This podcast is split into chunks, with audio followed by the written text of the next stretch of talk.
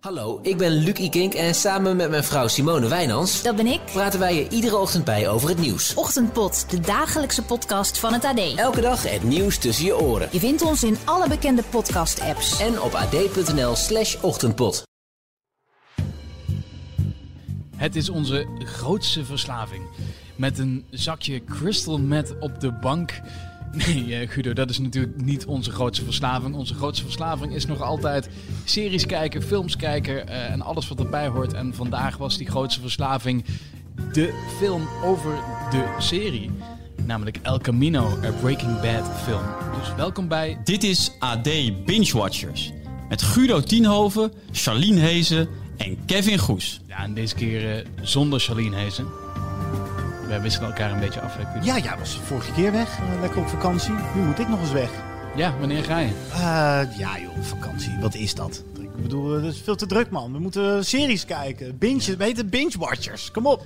Nee, precies. Dat, eh, dat is precies wat wij doen. En eh Charlene die zit inderdaad nu in, eh, eh, in Amerika. Eh, daar was ik uh, afgelopen 2,5 week. Dus ik ben weer, weer terug op het nest. En vanmorgen vroeg opgestaan om naar de film te kijken met Aaron Paul in de hoofdrol eh, El Camino. Hij vertelt hier trouwens eventjes kort wat, wat er allemaal vooraf ging aan El Camino, mocht je het eh, gemist hebben. Did I mention Walt's son loves breakfast? You did, yeah. Okay, yeah, yeah, yeah. Um, Walt's brother-in-law Hank is a DEA agent, and he's after us. So is a drug dealer named Tuco. Walt blows up Tuco's hideout with science, then kills Tuco, who has a weird uncle in a wheelchair that rings a bell. Then Walt gets naked in a grocery store. I fall in love with Jessica Jones. My, yes. My friends are Skinny Pete and Badger, but not a real badger, a person. Ja, zo gaat hij nog wel bijna twee minuten door. Ja, je moet het filmpje echt even checken. Dit is de perfecte voorbereiding. Want ik weet niet hoe jij eh, El Camino inging. Maar ik ontdekte tijdens het kijken eh, van de film... Oei, er is toch wel het een en ander weggezakt. Want het is toch alweer zes jaar geleden dat Breaking Bad ehm, de finale beleefde. Ja, ik heb de serie drie keer gezien. Oh, wat?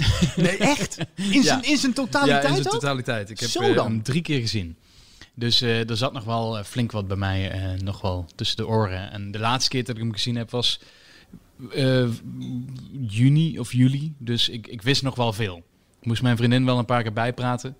Maar eh, eh, nee, er zat wel nog wel genoeg in mijn eh, geheugen. En ik vond ook wel... ehm, ja, we gaan het dadelijk uitgebreider hebben over de film. Want we willen niet te veel spoileren. Dat willen we eigenlijk pas aan het einde van de podcast gaan doen. Dus we gaan nu kort bespreken wat we ervan vonden. En onze eerste indrukken. En ehm, of die goed of slecht is. Want dat kunnen we denk ik wel al zeggen. Ehm, en dan gaan we op het einde van de podcast gaan we er wat langer op door. En gaan we eh, echt specifiek op een aantal momenten in waarvan ik en waarvan jij waarschijnlijk ook denkt eh, van nou hier moeten we het toch wel even over hebben. Zeker, ja. Maar jouw eerste indruk, eh, Guido, wat vond jij van El Camino? Nou, ik heb er wel van genoten. Het is echt in de geest van Breaking Bad. Het was alsof ik weer een aflevering van Breaking Bad aan het kijken was.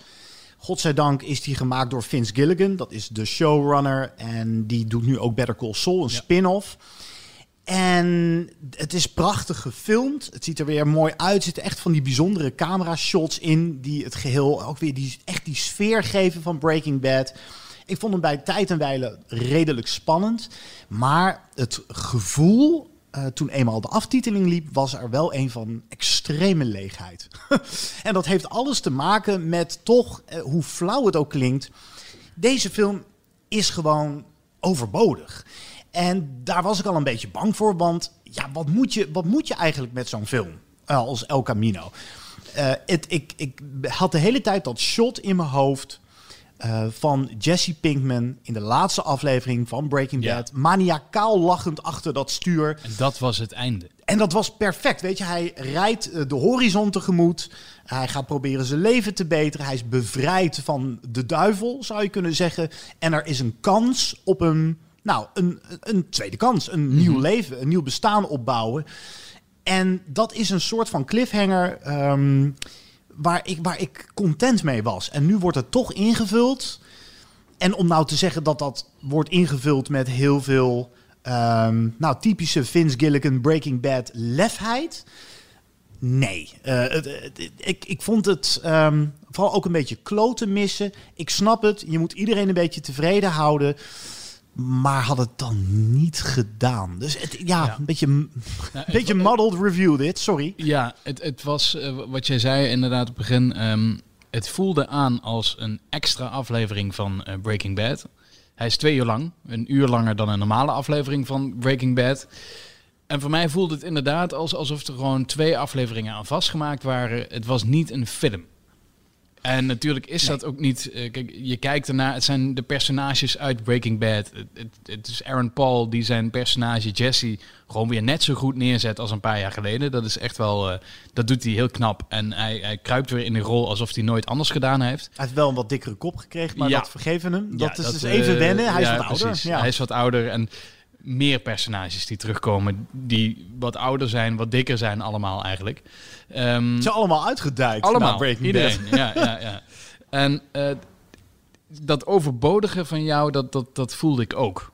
Ik was heel blij om het te zien. Gewoon ergens een tegenstrijdigheid van binnen. Van, ik heb drie Ja, keer die serie precies. gezien. Ik vind het een fantastische serie. En eh, ja, ik kan hem waarschijnlijk nog wel een keer kijken hierna, eh, ooit een keer. Ehm, maar de overbodigheid, ja, het was niet nodig geweest. En dit is ook wel typisch. Het was een typische Netflix-film. Ehm, en ik weet niet of jij mij daarin levelt. Of dat, dat, je, dat ik toch zie bij Netflix dat ehm, het is geen bioscoopfilm. Nee, maar daar moet ik je wel een beetje tegenspreken. Want eh, je hebt niet echt een gemiddelde Netflix-film. Die bestaat niet echt. Ik, er zijn heel veel films die worden uitgebracht op Netflix. En die Netflix ook heeft, eh, deels heeft gefinancierd. Die enorm ehm, eh, afwijken van de bioscoopfilm in, in eh, vooral eh, risico durven tonen. En, nou ja, een film als Roma won bijna de Oscar voor beste film. Die schitterende film van Alfonso Cuarón. Uiteindelijk verloor hij bij de Oscars van een, helaas van een onbeduidend filmpje genaamd Green Book. Ehm, maar dat, ja, die heeft in een paar bioscopen gedraaid, omdat het cinematografisch zo schitterend was. Ja. Met die mooie wijdse shots. Dus daar ben ik niet helemaal met je eens. Maar dit voelde wel eh, een beetje aan als een, wat je vroeger een tv-film noemde. Nu is dit ook letterlijk een tv-film, want het is een soort van spin-off. Een langere, wat jij zegt, tv-aflevering. Maar en, en Vince Gilligan haalt alles eruit wat erin zit als het gaat om ehm, nou, zoiets eh, een beetje mooi aankleden. Eh, eh, ook qua muziek en, en qua sets en hoe de camera sluipt door sommige ruimtes. Dat is allemaal best wel mooi gedaan, maar het is natuurlijk geen... Dit hoef je niet in de bioscoop te Nee. zien. Nee. Nee. Ja. Maar wat, ja, wat had je je- anders gewild Nou, bij ik, deze ik, film? ik zal één één heel positief punt noemen, wat ik in ieder geval vond. Ehm, ik kreeg een western gevoel. Ja, dat is, daar is ook nog wel een specifieke aanwijzing voor. Of tenminste, er zit één scène er in die daar één heel scène erg... in ja. die daar sowieso. eh, eh, maar daarvoor al had ik al zoiets van, ah, we volgen een, een Lone Ranger-achtig iemand die eh, ja, la western zichzelf weer op de rit probeert te krijgen. Ja, nou, daar wil ik goeie. niet te veel over zeggen. Maar ja, dat, dat gevoel kreeg ik erbij. En dat werd daarna nog benadrukt dat ik inderdaad op het goede spoor zat. Dat had niet eens eens gehoeven, want ik denk dat, dat het gevoel bij mij zat er toch al. Ehm, wat vroeg je nou? Nou, nee, de, de vraag was... ehm, jij zei het, het was overbodig, maar de vraag een beetje voor jou, maar ook voor mij is... wat hadden we dan wel willen zien? En ik heb eigenlijk geen antwoord op die vraag. Dus dit is toch een gevalletje van fanservice. Ja. Je doet de fans een plezier... eh, Je geeft ze een bonus. En dat is typisch iets van 2019. Ja. Eh, of, of van deze tijd zou je kunnen zeggen. Spin-offs, eh, sequels, prequels. Maar die hebben we natuurlijk al met Better Call remakes. Saul. Ja, ja, dat hebben we al met Better Call Saul. Maar had ons hier niet mee lastiggevallen. Ja, dat klinkt zo negatief. Want eigenlijk ergens heb ik ook wel het gevoel dat ze eh, meer niet hadden kunnen doen. Dus als een aardige bonus voor die grote Breaking Bad fan, Ja. is het, is het wel oké. Ehm, Ik was enthousiast toen het aangekondigd werd. Omdat Ja, ik alles ook wel, wat, hoor, wat- zeker. Wat, van Breaking Bad is, denk ik toch van... Maar meteen daarna dacht ik al van... Oh, hoe gaan ze dat nou doen? En eigenlijk nu na de film bekeken te hebben... heb ik nog steeds dat gevoel van... Hebben ze het nou wel op de goede manier gedaan? En hadden ze het wel moeten doen? En hoe langer ik nu erover nadenk... en hoe meer we erover praten... besef ik dat het gewoon niet nodig was... Ehm, dat het leuk was om deze personages weer, weer eens te zien. Maar het verhaal was inderdaad af. En ik weet niet, als ik over twee weken nog een keer terugkijk... en misschien nog, nog een keer die film ga kijken of erover nadenk... dan vraag ik me af, wat doet dat met eh, het Breaking Bad gevoel? Die serie was af. Ja, wordt Breaking Bad een andere serie met terugwerkende kracht na het zien van deze film? Bedoel je dat? Ja. Ja, nou dat is inderdaad dat is een goede vraag. Ehm, het is de reden dat ik bijvoorbeeld het derde seizoen van Broadchurch nooit heb aangezet. Omdat ik het tweede seizoen van Broadchurch uh, wel oké vond. Maar eigenlijk, het, het wist zo niet het niveau te halen van de eerste serie... dat ik er een beetje spijt van had dat ik het uh, zag. Omdat dan ineens uh, iets wat een meesterwerkje was ja, dat, het, het, is gewoon gedaald in kwaliteit door een vervolg. Een vervolg kan meer kapot maken dan je lief is. Ja. Ja. Dat had ik hier niet zozeer. Ook, nou ja, maar dat, dat moeten we dan in, in spoilers um, misschien vermelden. Mm -hmm. Maar ja, ik, ik snap wat je bedoelt. Wat ik dan nog wel wil prijzen is, uh, daar word je wel aan herinnerd aan wat een tragisch figuur Jesse Pinkman ja. eigenlijk was. Ook in Breaking Bad, dat je bijna vergeet. Het, het is een beetje uh, het schoffie, maar ook een jonge gozer die wordt meegesleept in die tornado van criminaliteit. Die mm -hmm. op een gegeven moment zo hevig uh, uh, rondkolkt dat hij er niet meer uit kan. En er zit één scène in, uh, specifiek, waarin je daar heel erg op ge gewezen wordt. Van deze jongen heeft vreselijke dingen ja. gedaan en die zijn niet meer uit te wissen. Daar wordt hij ook uh, door een personage in het begin van deze film even fijntjes op gewezen. Ja, er bestaat kans op een uh, nieuw bestaan, op een soort van tweede kans. Maar je kan nooit meer opnieuw beginnen of uitwissen dat wat je hebt gedaan. En die tragiek wordt en mooi gespeeld door uh, Aaron Paul en zit ook voldoende in het script. Ja. En het tweede wat ik wilde zeggen, ook qua pluspunt, uh, is de zwarte humor. Uh, godzijdank was die er, want ook daar is Breaking Bad beroemd mee geworden. Het, het de, jij moest denken aan een western. Ik moest vaak een beetje denken aan een film van de Coen Brothers. Mm -hmm. Die overigens ook heel veel met het western genre hebben gespeeld. Ja. No Country for Old Men bijvoorbeeld. En de Ballad of Buster Scruggs, heb je die gezien? Ook op Netflix, ja, heerlijke ja, film ook. Dus uh, ja, als we het er zo over hebben, alle elementen zitten er wel in. Maar ja, die zullen leegte. We, zullen we dan hier even een punt zetten? Laten waar we we doen. dan straks op terugkomen. En dan gaan we full spoiler. Dus dan zeggen we ook van tevoren van... Oké, als je hem nog niet gezien hebt, de film... Zet dan nu de podcast af. Dat is niet nu. Nu gaan we er even door Ja, over wat, eh, mensen, wat niet andere eh, punten. Maar straks gaan we dus in volle spoiler eh, heftigheid... gaan we in op eh, de film El Camino. We hebben daarna nog een top 2. De top 2 van eh, eh, vandaag. Want normaal laten we dan eh, ehm, dit horen. De top 3. Maar dat is dus een top 2. Uh, want Charlene is er niet. Charlene zit lekker in, uh, in Amerika. De top 2 van vandaag uh, is vetste en beste en meest onverwachte momenten uit Breaking Bad. De serie. We hebben allebei wel een moment. Misschien hebben we wel hetzelfde Ja, moment, maar... Oeh, daar ben ik heel benieuwd naar wat jij Ja, gaat kiezen. we komen Zeker daar, omdat jij eh, hem drie keer hebt gezien. Ja, we, we komen er straks op het einde van, uh, van deze podcast. Na de spoilers komen we daar dus op terug. Wat wij uh, de top 2 momenten vonden van Breaking Bad. We hebben ook nog andere dingen gezien. Uh, Guido, je hebt The Politician gezien. Sherry has an 80% approval rating. And a fan account on Instagram.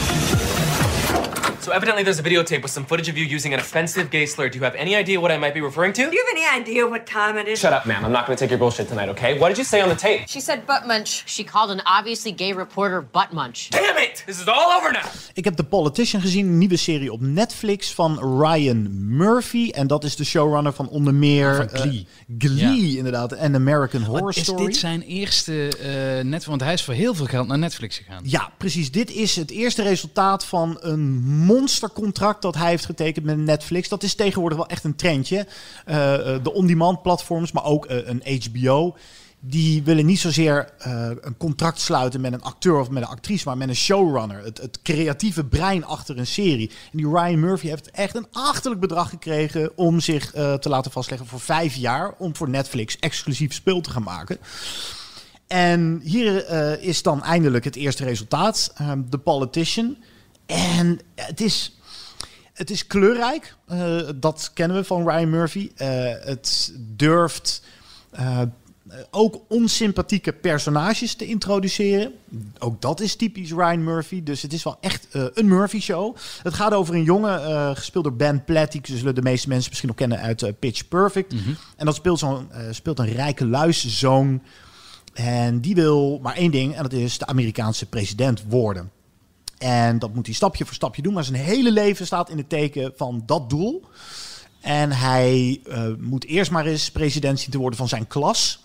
Dat doet een beetje denken uh, voor de filmliefhebber Rushmore en Election. Dat zijn twee hele fijne films trouwens, die eigenlijk ook een beetje over hetzelfde gaan. Uh, en die vond ik ook wel wat beter. Maar we volgen hem in ja, de, de, de niets ontziende uh, missie om aan de top te komen. En uh, het, uh, het cynische of het zwart-komische van de politician zit hem in het volgende. Hij krijgt constant het advies: als je de president wil worden, kom authentiek over. Dat is het belangrijkste anno nu. Kom authentiek over. Maar in hoeverre kan je authenticiteit ook feinzen? Um, en ja, het is een gemene serie. Uh, wat ik al zei, een tikkeltje cynisch. Hij heeft op een gegeven moment een running mate.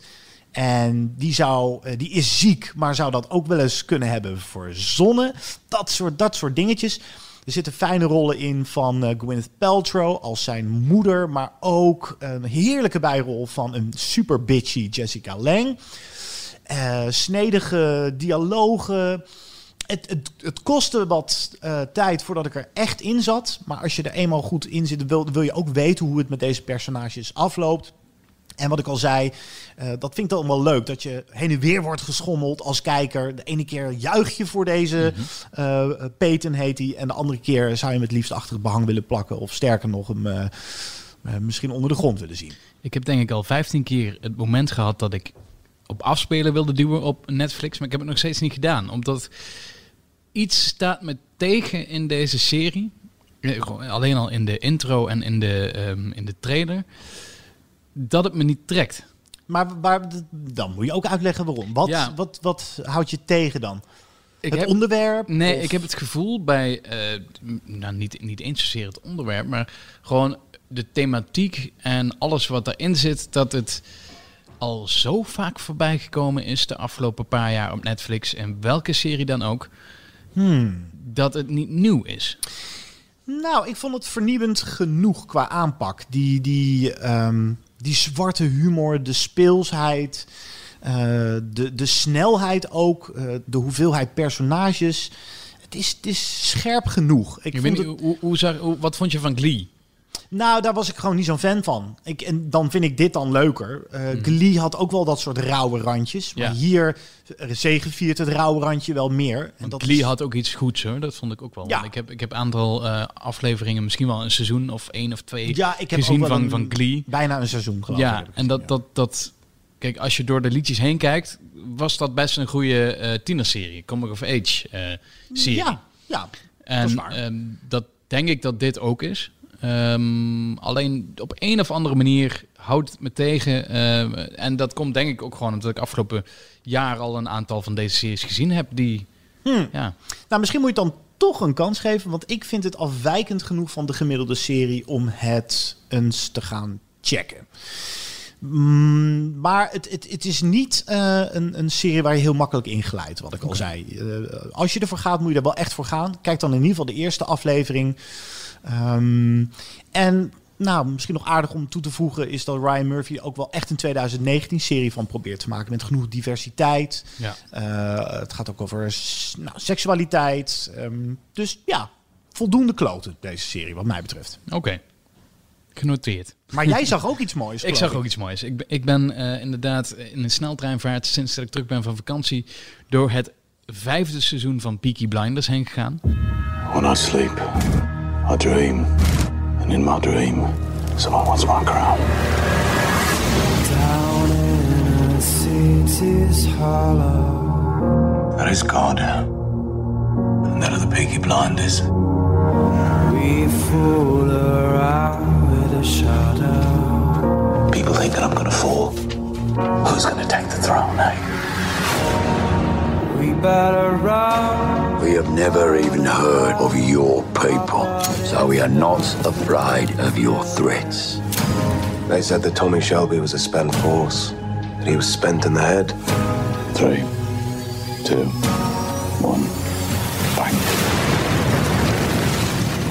Nu heb jij volgens mij de eerste vier nog niks van gezien, toch? Klopt, ik ben helemaal uh, Peaky Blinders maagd. Ja, ja. Uh, Killian Murphy speelt natuurlijk de hoofdrol in Peaky Blinders als uh, Thomas Shelby. En na vijf seizoenen ben je natuurlijk een stukje verder dan op het begin. Um, hij is inmiddels zit hij in het, uh, het parlement van uh, Groot-Brittannië en uh, heeft weer nieuwe vijanden. Zoals het gaat in zo'n serie waar veel in geschoten wordt, veel in gemoord wordt en veel in geschemed wordt. Het is goed. Seizoen 5 is gewoon weer goed. Beter dan 4. Dat wel. Dat is wel weer gewoon fijn dat het net wat beter is en dat de hoofdpersoon ook van verschillende kanten onder druk staat. Nadeel vond ik in dit seizoen is dat het, um, en dat zie je wel vaker als aangekondigd is, dat het volgende seizoen het laatste is. Seizoen 6 zal het laatste worden van Peaky Blinders. Dat je het gevoel hebt dat zes afleveringen lang naar seizoen 6 toegewerkt wordt. Ah ja, ja. Maar is het niet fijn om dan toch een eindstreep in zich te hebben? Want ik vind dat altijd heel irritant aan series die zo worden geschreven dat ze eventueel eindeloos door kunnen ja, gaan. Ja, dat was natuurlijk bij de eerste vier seizoenen was niet duidelijk hoe lang het zou duren en uh, of er nog wel een seizoen zou komen. Nou, nu wisten ze volgens mij wel van, nou, er komt sowieso nog één seizoen, het zesde. Um, dus dat, dat zat in de planning en dat heeft BBC en Netflix hebben dat ook uh, afgesproken met de, uh, de serie. Um, ja, ja en nee. Um, ik hou wel ervan als een seizoen los staat en een begin en een einde heeft. Het einde van dit seizoen, seizoen 5, is vrij open. Dit, dit voelt een beetje aan als uh, Harry Potter en de Deathly Hallows Part 1. Ja, nou, dat, dat, ik denk dat dat wel een, een, een hele uh, grote open eind was met van... hé, hey, we gaan volgende kerst door. Ja, maar, wordt vervolgd. ja. Dat was volgens mij letterlijk wat volgens er in beeld stond. stond. het inderdaad to be continued, stond uh, in beeld, ja. nee, zo heftig is het niet. Um, maar het geeft een onvoldaan gevoel als je de laatste aflevering gezien hebt... dat je denkt van, hé, hey, ja, en wanneer komt dat zesde seizoen dan? En um, ja. Oké. Okay. Maar de, wat, wat um, heeft Peaky Blinders dat geen enkele andere serie heeft? Probeer mij nog eens over te halen om überhaupt een keer te beginnen ja. aan deze serie. Want ik hoor, het is goed. En uh, de acteurs die erin zitten, waaronder ja. Killian Murphy, die Killian is Murphy, een fantastische... Tom Hardy natuurlijk. Tom Hardy, hallo, is een geweldige acteur. Maar wat maakt deze serie zo bijzonder? Um, een aantal dingetjes. Natuurlijk de, de, de tijd. Het speelt zich af in de jaren... Uh, het begint in de jaren 10 en dan de jaren 20 van, uh, van de vorige eeuw. Um, Birmingham, een stad die bij ons toch niet zo bekend is, maar uh, uh, ja, het geeft een heel erg tijdsbeeld van een grauwe stad waar veel industrie is, die op komen is, maar ook veel criminaliteit is. Um, je ziet het een keer van de kant van zigeuners. Nou, er zijn volgens mij weinig zigeunerfilms die, of series die gemaakt zijn en die um, op deze manier de zigeuners in het goede dan wel kwade dag, daglicht zetten. Um, de shots. Het is echt, uh, cinematografisch is het heel mooi. Muziek is uh, fantastisch. Er zit natuurlijk uh, veel muziek van Nick Cave in, maar ook allerlei versies van Johnny Cash heb ik voorbij zien komen, horen komen. Arctic Monkeys komt voorbij. Um, Block Party. Dus echt hele goede muziek in die, in die serie. Maar een beetje anachronistisch eigenlijk, toch? Ja, ja. Ja, het is. Is uh, uh, ik kan het niet echt vergelijken met een andere serie. En dat vind ik wel, wel knap. Dat je dus een serie kan maken die zo losstaand is en zo'n eigen verhaal heeft. Waar ook uh, de wereldgeschiedenis doorheen zit. Dus Winston Churchill zit er bijvoorbeeld gewoon in. Um, ook al is het een verzonnen verhaal, wordt het toch samengepakt met wat er daadwerkelijk wel gebeurd is. Um, Al Pacino wordt genamedropped. Uh, je hm. hebt uh, uh, de Eerste Wereldoorlog, daar komen de hoofdperso hoofdpersonages komen daaruit. Dus daar begint het eigenlijk, het, de serie. Um, ja, het, het, geeft een enorm goed tijdsbeeld van wat er toen gebeurde. En ja, gewoon de acteurs erin. De, alleen daarom zou je al het een kans moeten geven. En het zijn korte seizoenen, zes afleveringen. Dat BBC. is ook wel lekker. Ja. Heel even, want dat snap ik niet. El Pacino wordt genoemd, maar het speelt zich af in de jaren twintig. Hoe kan dat? Of is dat een... een... Het is uh, tijdens de drooglegging natuurlijk. En toen ja. kwam El Pacino op in de VS.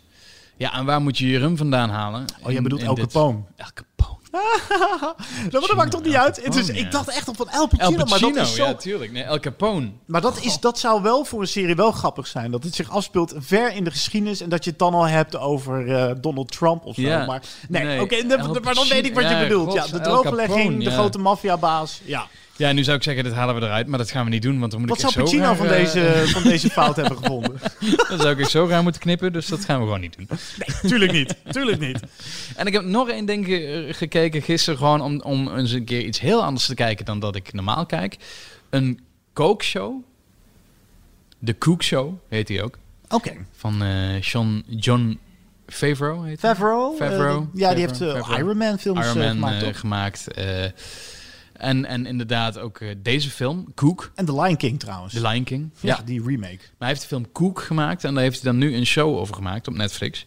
Ehm, in de film Cook speelt hij een, eh, eh, een kok die een goed lopend restaurant heeft, maar daardoor zeer gestrest is en uitvalt tegen zijn familie en iedereen en nog wat uitkaffert. En ehm, hij besluit eigenlijk daar een punt achter te zetten en een foodtruck te kopen en daarmee over de straat te gaan. Nou die dingen die hij daar kookt, die heeft hij natuurlijk van iemand geleerd. Dus degene die hem dat aangeleerd heeft, die zit samen met hem in deze show. En ze beginnen in de eerste aflevering die ik dan gezien heb, hebben ze Gwyneth Paltrow en ze hebben Bill Burr hebben ze eh, te gast om samen mee te koken. Nou ja, het is leuk. John En is die van- spelen zichzelf? Het is ja, reality? gewoon- ja, het is gewoon reality. Oh, dus het is ja. eh, echt een kookshow over... eh, bijvoorbeeld met Gwyneth Paltrow maken ze een pepperpot. Oh ja. Hè? Pepperpots. Ja, maar verwijzing naar, eh, ja, Marvel. Hier zit bijvoorbeeld dat stukje in waar het daarna heel veel over gegaan is. Hebben wij zelfs op de site ook een stukje over gehad. Dat eh, Gwyneth Paltrow geen idee had dat zij in Spider-Man zat.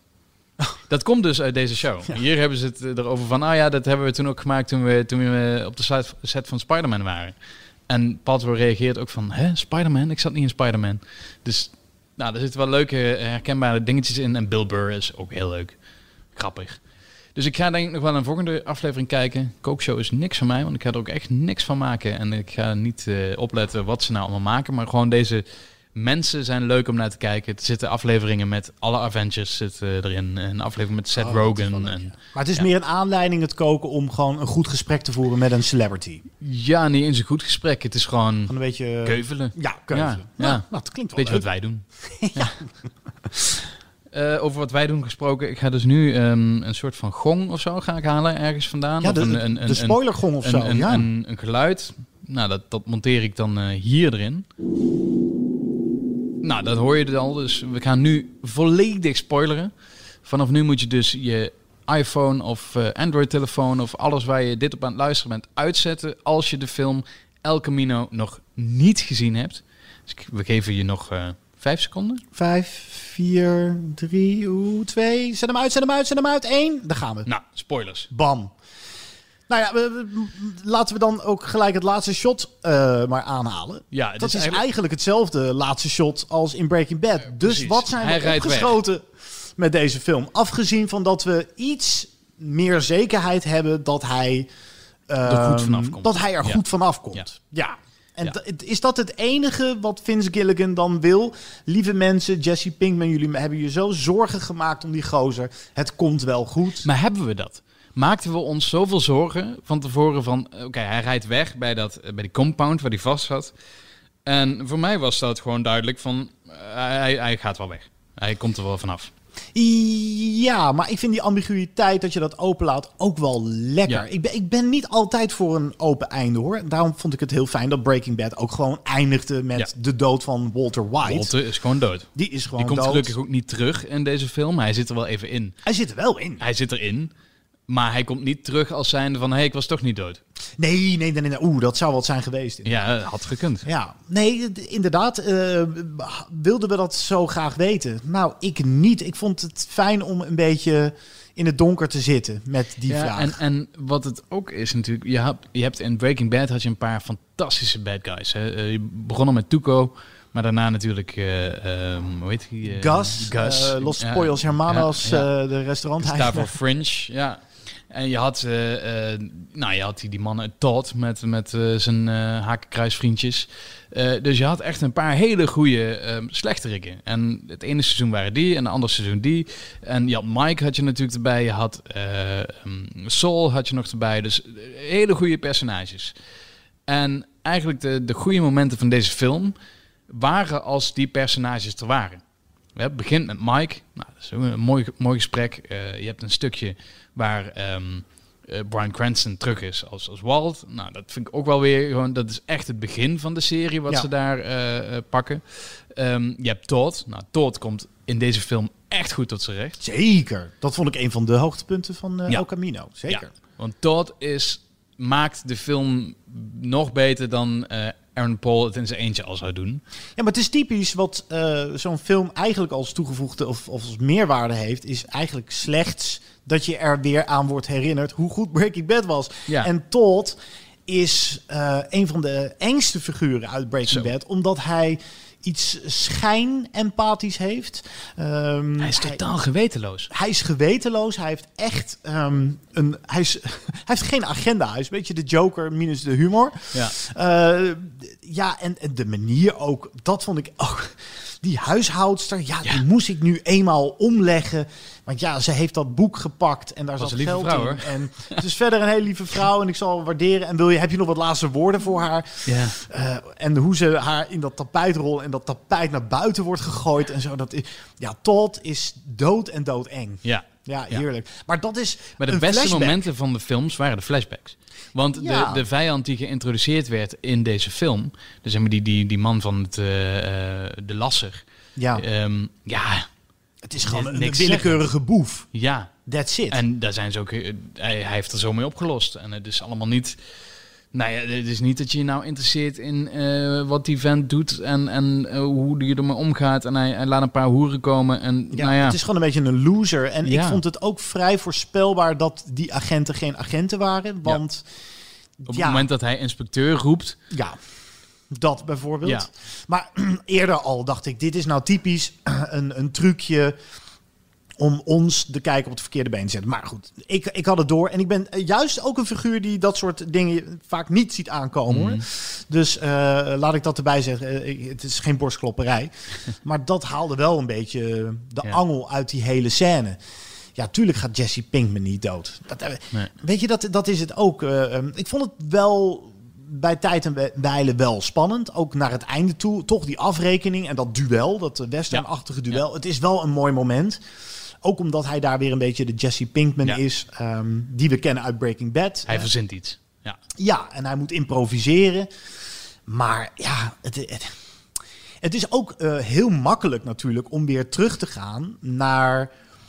Uh, volgens mij was dat Sol, toch? De advocaat die zei, ik ken een mannetje. Mm -hmm. En als je daar zoveel geld aan geeft, uh, zorgt hij voor een nieuw paspoort, een nieuwe naam, nieuwe identiteit. En dan kun je opnieuw beginnen. Het is heel makkelijk om daarop terug te grijpen. Maar wat, nogmaals, wat had hij anders moeten doen? Ja, want zelf Hoe had deze film dan moeten aflopen? Zelf verdwijnen was niet gelukt. Nee. Want hij werd overal gezocht. Uh, zijn ouders stonden niet meer aan zijn kant. Nou ja, dat, dat was natuurlijk in Breaking, Breaking Bad op het einde ook al. Maar ook goed dat die weer terugkwamen. En dat, ze die, uh, dat hij hun wel gebruikt weer op een of andere manier.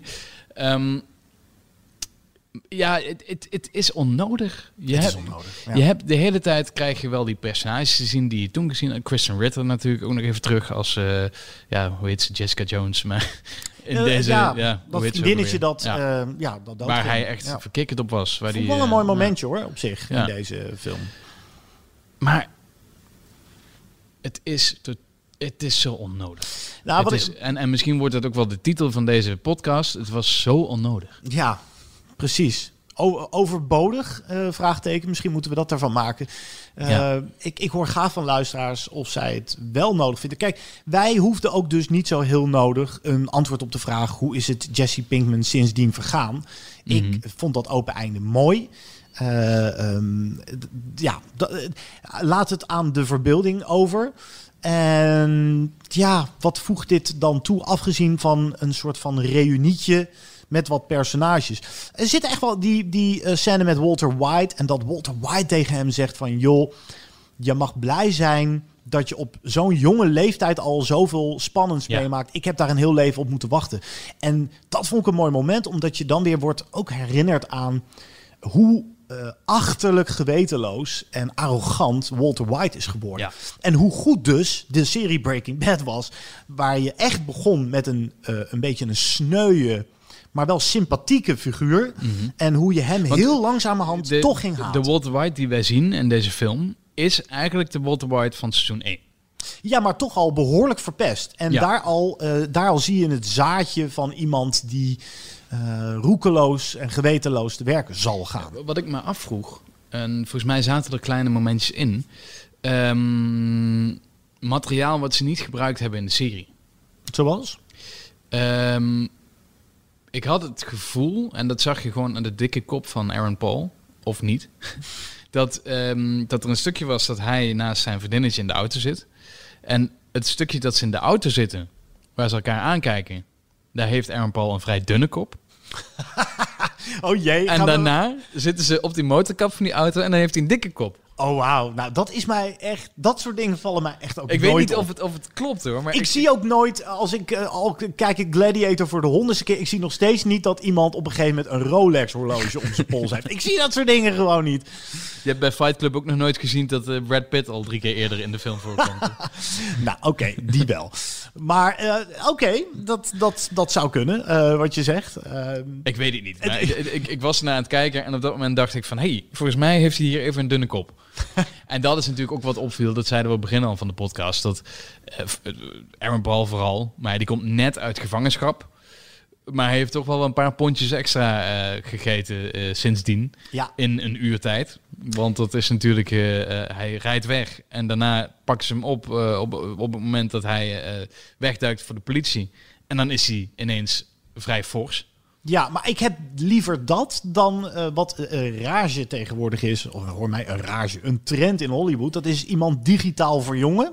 We krijgen binnenkort een nieuwe Martin Scorsese film Irishman. Ik heb begrepen dat Robert De Niro eh, daar digitaal weer jonger is gemaakt. Ja. En dat hebben ze wel eens meer, ook in Marvel films gedaan. En je ziet het toch altijd. Zeker, ja. Dus Ja, dan nee, heb ik liever het is ook een niet- wat... Het is ook niet echt een, een, een, een een kritiekpunt. Het is gewoon iets wat opvalt. Oké. En bij Todd hetzelfde. Die was Zeker. ook een stuk dikker dan dit, dat hij in, eh, in de serie was. En zelfs Brian Cranston was eh, wat forser dan die eh, in de serie was. Conclusie, overbodig. En wat is iedereen toch dik geworden? Ja, we zijn wel aan het vetje. Oh my god. Ja. Nee, maar het, het is overbodig. Desalniettemin wel leuk. Ja. En dat is dan ook wel weer hè, heel tegenstrijdig. Maar wel weer leuk om twee uur lang naar deze mensen te kijken. Nou, laat ik het, laat ik het zo zeggen. Ehm, ik heb nooit echt de behoefte gehad om Breaking Bad, zoals jij dat wel hebt gedaan, nog een keer te kijken. La- dat heb ik er dan wel aan overgehouden aan El Camino. Ik wil hem weer eens aanzetten. Ja. Ja, en, en Aaron Paul is ook gewoon een goede acteur. Absoluut. En het is jammer, ze hebben wel geprobeerd hem een beetje te lanceren in Hollywood ook. Ja, om er een Speed van te maken. hij, oh, ja, niet eh, voor Speed, ja. En hij zit binnenkort in het derde seizoen van Westworld. Ah, Oké, oh, Ja. dat wist ik nog niet. Maar ja, dat is toch een beetje mislukt, toch? Het is een serieacteur, denk ik. Ja, en een prima acteur. En ik vind wel ehm, dat Vince Gilligan blijft in ieder geval dicht bij het karakter van Jesse Pinkman. En we zien zijn innerlijke demonen. En we zien de, het, dus, ja, de gêne, de schaamte, eh, de spijt van zijn gezicht afdruipen. Dat is wel weer mooi. De karakterelementen worden niet vergeten. Net als de zorgvuldige opbouw, de trage opbouw van sommige scènes... waar Breaking Bad en ook Better Call Saul nu onbekend staan. Dus eh, ja, je wordt wel weer even in dat universum even twee uur meegenomen. En dat is lekker. Maar nee, serieus. Ik, ehm, ik, kan, ik kan er niet altijd enthousiast over zijn. De top 3. De top 2 dan eh, eh, nu. Eh, want daar zouden we mee afsluiten vandaag. eh, met eh, ja, de beste momenten uit Breaking Bad. Ja. Volgens ons. Hè? Dus het is totaal subjectief. Onze mening. Maar wat zijn nou de twee momenten die wij... eh, ja, Dus oh, wacht even, ieder twee momenten? Oh, dan ja, laten wel we, twee eh, hoor. laten we dat doen. Inderdaad. Top Ieder- 4 is dit top dan. 4. Begin jij eens, Kevin. Want jij hebt hem begin ik met, keer met, gezien. met, met moment 1. En dan begin jij met moment 2. Dan doen we een beetje wisselen op. Ja. Oké. Ehm, voor mij het moment waarop de serie letterlijk explodeerde, was het moment waarop ehm, Walter White met een zakje, ehm, we dachten allemaal crystal meth, bij Tuco het kantoor naar binnen loopt. En een stukje eruit pakt, kristal, dat aan hem laat zien. En die Tuco die heeft alle macht in handen. Hij gooit het op die tafel en die, die bizarre ontploffing die op dat Oh ja, moment plaatsvindt.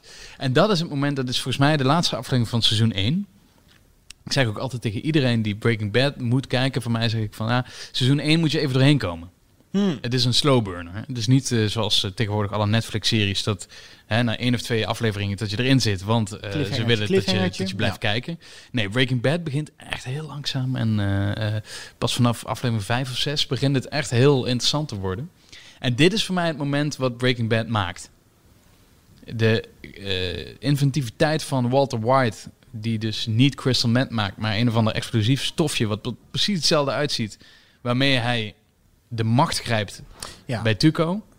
Het is ook een, een, een karakteromslagmoment. Ja. Dat is het moment eh, dat Walter White iemand is. wordt. eh, ja, Ja. van eh, jongens, be afraid, be very afraid. Ja. Want serious business nu. Ja. Mooi, mooie scène. Die was ik dus vergeten. Nou, mijn eerste moment is dan een scène uit... ik weet nog precies de naam ook van de aflevering. Box Cutter. En het is het moment dat... Het is het meest gewelddadige moment ook van de hele serie. Dat Gus Fring eh, heel koelbloedig naar beneden komt lopen. Waar eh, Walter White en Jesse Pinkman staan en nog iemand anders.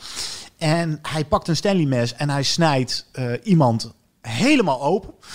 En gewoon om even te laten zien, jongens, wie is hier de baas? Ik ben hier de baas. En daarna zegt hij zo, jongens, en nu weer terug aan het werk. Maar het is een typisch Breaking Bad moment. Heel langzaam opgebouwd.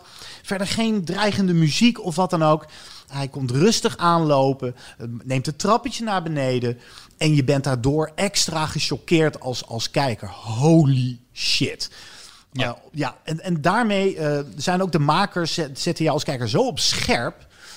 Eh, de onvoorspelbaarheid van deze man. Eh, ja, dat is een, echt een onvergetelijk moment voor mij. Ik, ik, ik heb nog twintig momenten die ik kan noemen. Maar die zijn allemaal vrij gewelddadig. Maar omdat we die zwarte humor natuurlijk ook al besproken hebben, wil ik toch eh, als derde moment een moment pakken. En dat- dat moment is eigenlijk een hele aflevering. Mhm. Een totaal hele aflevering. De bottle episode waar eh, Breaking Bad ook bekend om staat. Ik denk dat ik het weet. Fly. Fly, ja. Prachtig. Die aflevering is namelijk, hij gaat heel langzaam. Het is allemaal in het laboratorium waar ze zitten. En eh, er is een besmetting. Oftewel een fly in het laboratorium.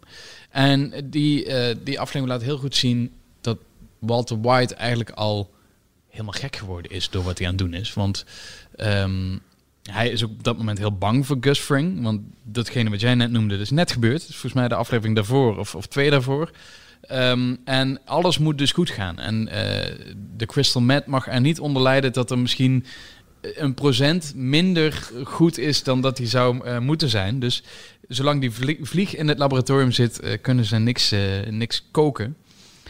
Ja, en die aflevering laat voor mij ook zien dat de humor is ook heel belangrijk. Want natuurlijk draait het erom dat die vlieg, ja, die doet geen vlieg kwaad, om het maar zo te zeggen. Ehm, Ja, maar, het, is een, het is puur eh, een, eh, een aflevering die even gas terugneemt en alle ruimte geeft voor karakterontwikkeling. En dat is best wel eh, dapper ook van een serie om dat te doen. Ja, gewoon even de hele boel platleggen. En het, het was een. ja, die is mij ook altijd bijgebleven. Het is zo'n buitenbeentje in, die, in, die, in dat hele seizoen. En als je het hebt over bottle episodes, waar we misschien ook een keer over moeten hebben als speciale aflevering. Een, een episode die alleen maar plaatsvindt in één ruimte en waar eh, maar één of twee personages eh, in zitten van een serie. Het is vaak ook om eh, budget te sparen. Was hier Hm. ook. Omdat er nog een hele grote explosie aan zou komen later in dat seizoen. Ehm, maar toch is dit wel een van de meest geslaagde bottle episodes die er bestaat, denk ik. Goeie keuze, mooie keuze. En dan ga ik voor mijn laatste scène naar het moment dat Henk ontdekt... Walter White, mijn zwager, is de crimineel waar ik naar op zoek ben. Het is een moment waar je heel lang op zit te wachten. Het moet een keer eh, komen. En het is glorious. Hij zit op de play Ik, ik weet niet eens meer precies hoe hij het ontdekt, maar hij, Ja. hij slaat een tijdschrift Het open. boekje. Ja. Het boekje van eh, ehm, de fan slash medewerker van, eh, van Walter White. Op een gegeven moment is niet Jess, Jesse, maar iemand anders. Ik weet even niet zijn naam. Die helpt hem eh, ehm, in, in het laboratorium. En die geeft hem een gedichtenbundel, volgens mij.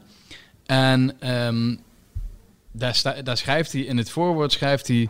To my one and only WW. Oh ja, dat was het inderdaad. En ja. die WW die had eh, Henk al een keer ergens gevonden. Maar nu die dat boekje vond en zag dat het van diegene afkwam, dat handschrift herkende die. En hij zag WW staan. Dat is het moment dat Henk realiseert, wacht eens even, de WW die ik zoek, de Heisenberg, is Walter White. Ja. En dan dat gezicht van Henk. En dan een jaar wachten. Oh, ja, het, wa- het, was, het was inderdaad de cliffhanger toen van dat seizoen, geloof Ja, ik. ja Oh. nou, het, het- dat was heel. Het laatste seizoen van Breaking Bad is in twee opgesplitst. Oh ja, dat en de was eerste zo. aflevering A en B, acht, ja. die kwamen in het ene jaar en de andere acht kwamen in het tweede jaar. En dit was de cliffhanger. Wauw. Ja. Ik heb heel veel mensen vervloekt hierom. maar ja, goed, eh, om af te sluiten deze podcast. eh, Breaking Bad, de serie, ga ik waarschijnlijk nog voor een vierde keer en jij voor een tweede keer kijken. En iedereen die het nog niet gezien heeft, nou ja, als je tot hier bent gekomen in Nou, de podcast, dan- dan, vind heb ik je dat hier heel te knap. zoeken? Maar Ja. dan, eh, eh, dan gaan we vooral kijken. Ehm, en iedereen die hem wel gezien heeft, ja, wat is het eh, toch een fantastische serie geweest. Het is toch een van de beste series die ik ooit heb gezien. Ja. Ik hou altijd Breaking Bad aan en Six Feet Under als twee van mijn favorieten ever. Vooral omdat Breaking Bad zo mooi echt een complete transformatie laat zien. Van helemaal in het begin tot helemaal aan het einde en, en geloofwaardig. En dat is eh, toch wel uniek. Ja, ik, ik ga hem zeker eh, nog een keer kijken, ook vanwege omdat hij zo mooi gemaakt is en nog zo fucking veel meer scènes heeft Ja. die de moeite waard zijn. eh, Want we hebben nog niet eens eh, I am the one who knocks genoemd, bijvoorbeeld. Oh ja. Ehm, nou, dit was inderdaad Binge Watchers voor deze keer weer. Eh, niet geheel spoilervrij deze keer. Eh, laat even een review achter van wat je hier nou van vond. Dat we het op deze manier deden. Ehm, laat ook even weten wat jij, jij van El Camino vond. Misschien vond je het wel een perfecte aanvulling op wat er al was. Eh, beluister ons via Spotify, iTunes. Abonneer je ook vooral, want we zijn er binnenkort waarschijnlijk weer. Met een nieuwe aflevering. Tot dan. We worden dagelijks overladen met overbodige informatie. En het is moeilijk de zin van de onzin te scheiden. Daarom vertrouw ik op echte journalisten in plaats van meningen. Een krantenmens heeft het gemakkelijk. Word ook een krantenmens en lees je favoriete krant nu tot wel zes weken gratis. Ga snel naar krant.nl. Bezorging stopt automatisch en op deze actie zijn actievoorwaarden van toepassing.